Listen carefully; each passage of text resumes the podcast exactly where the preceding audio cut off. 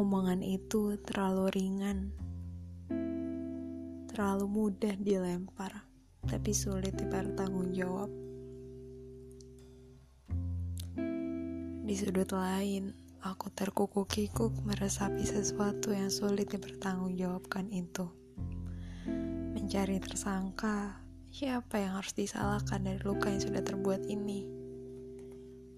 Sampai ketika aku sadar, setiap orang tumbuh dari rasa sakitnya, begitupun tersangka dari luka ini. Lagi-lagi diri ini harus cukup dengan filosofi dunia